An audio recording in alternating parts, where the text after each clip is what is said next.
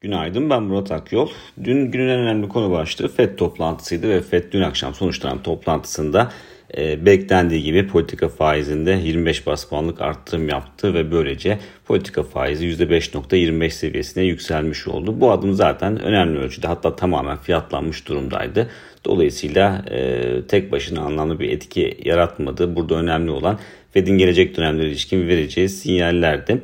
O sinyalleri de e, Fed Başkanı Powell'ın yaptığı konuşmayla e, ulaştı piyasalar. Konuşmanın detaylarına baktığımızda e, aslında çok e, nötr mesajlar verdiğini görüyoruz Powell'ın. Birbirini dengeleyen mesajlar verdi. Belki de son dönemlerin zaten e, en nötr e, toplantısını gördük. Uzun bir süre zaten konuşma boyunca da piyasalar net bir yön tayin etmekte e, belirgin şekilde zorlandı ve yatay bir seyir izledi ama Powell'ın konuşmanın sonuna doğru e, faizler konusunda e, yıl içinde bir indirim yapılmasının çok olası görünmediğine dikkat çekmesi, e, bunun uygun olmadığına dikkat çekmesi e, piyasa beklentisiyle tamamen zıt bir açıklamaydı. Dolayısıyla bu açıklamanın ardından zaten e, piyasalarda yönün değiştiğini, hisse senetlerine satış geldiğini gördük. E, enflasyonun zaten yavaş yavaş e, geri çekilmesini beklediklerini dile getirdi. Powell hızlı bir geri çekilme beklemediklerini ifade etti.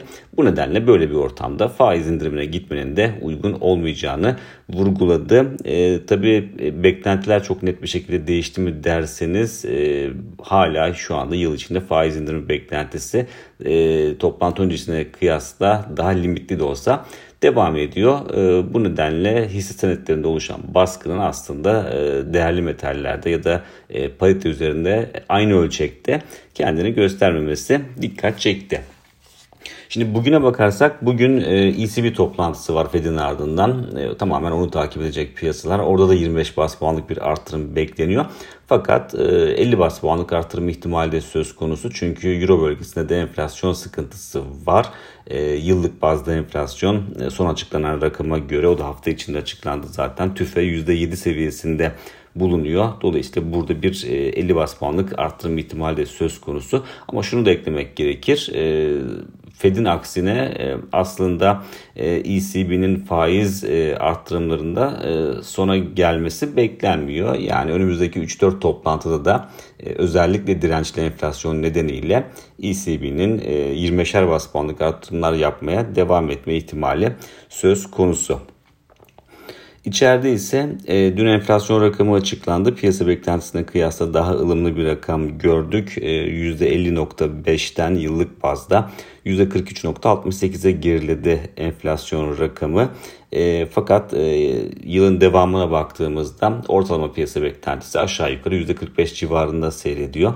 Dolayısıyla e, enflasyonun uzun bir süre e, yatay seviyelerde e, kalması ve yılı da zaten %45'ten çok fazla uzaklaşmadan e, tamamlaması bekleniyor.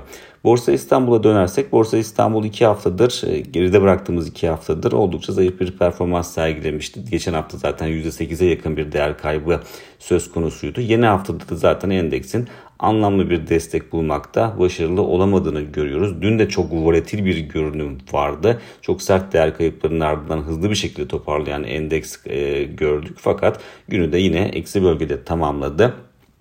Ee, özellikle 4500 puan seviyesine biliyorsunuz vurguyu yapıyoruz. Bu seviyenin altında e, kalınması durumunda aşağı yönlü hareket alanının genişleyeceğini e, belirtiyoruz ki dün de zaten kapanış 4500 puan seviyesinin altında yapıldı. E, burada kalınırsa bundan sonraki takip edeceğimiz seviyeleri e, 4400 seviyesi oluşturuyor ki burası da zaten Eylül 2020 Ocak 2023 arasındaki yükselişin %50 Fibonacci e, düzeltme seviyesine denk geliyor. Dolayısıyla 4400'ün kırılması da e, negatif bir etki yaratır. Dün en azından bu seviyenin üzerinde kalmayı başardık ama 4500'ün üzerinde güç kazanacak mıyız bugün onu takip etmek gerekir. 4400'ün de altına gelmemiz halinde bundan sonraki e, ana destek noktalarından bir tanesi ise 4150 puan seviyesi yani önemli ölçüde aşağıda bir destek söz konusu. Bu nedenle endeksin 4400-4500'den e, çok fazla uzaklaşmaması önem arz ediyor diyebiliriz. Bir sonraki podcast'te görüşmek üzere.